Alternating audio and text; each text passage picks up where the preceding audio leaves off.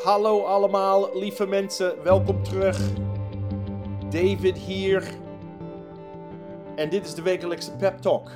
En het is bijna kerst. Wauw.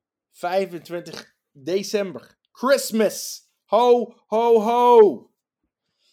Ah, deze week heb ik eigenlijk geen tip. En deze week heb ik niks meegemaakt waarvan ik denk: dit is wel heftig en intens. En, en dat wil ik delen, want dat helpt mensen die soms depressief zijn. Deze week heb ik iets anders. En, en deze week wat ik heb, ik heb, ik heb dankbaarheid. Dat is het enige wat ik heb. Ik ben dankbaar dat ik hier nog ben. En dat klinkt misschien een beetje crazy, een beetje too sweet. Maar het is gewoon zo. Hoe, hoe, hoe kom ik hierop?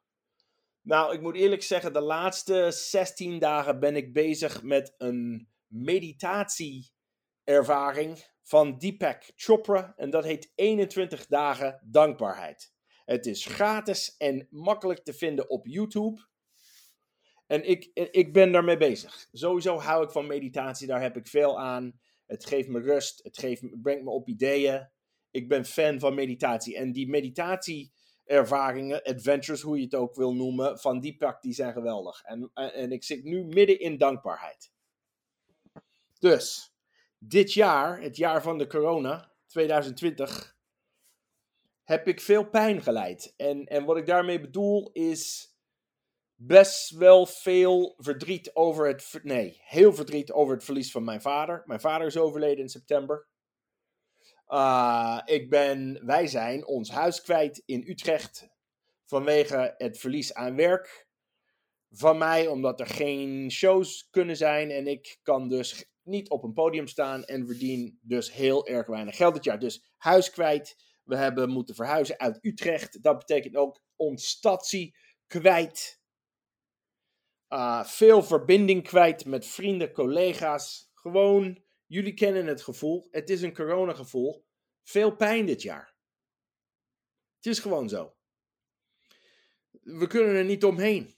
Het doet gewoon pijn, 2020.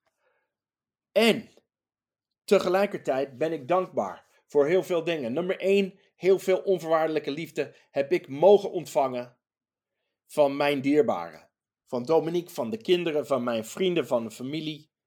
Echt heel veel mensen die onvoorwaardelijk van mij houden. En dat is, dat is een gift, mensen.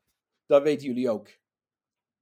Ik ben ook dankbaar dit jaar dat mijn boek How to Not Kill Yourself uitkwam bij Bruna. En dat wij deze podcast sowieso mogen maken. Daar ben ik heel dankbaar voor. Ik ben dankbaar voor mijn gezondheid.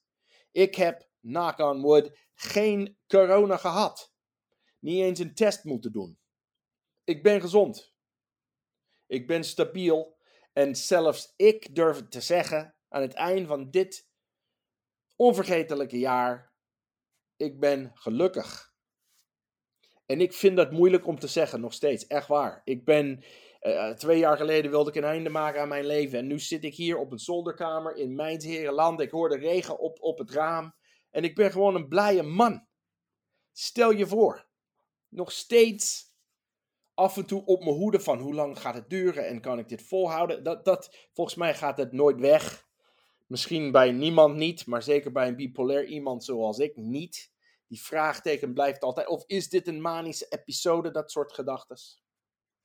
In ieder geval, ik kan je vertellen, ik ben gelukkig, stabiel, gezond en dankbaar.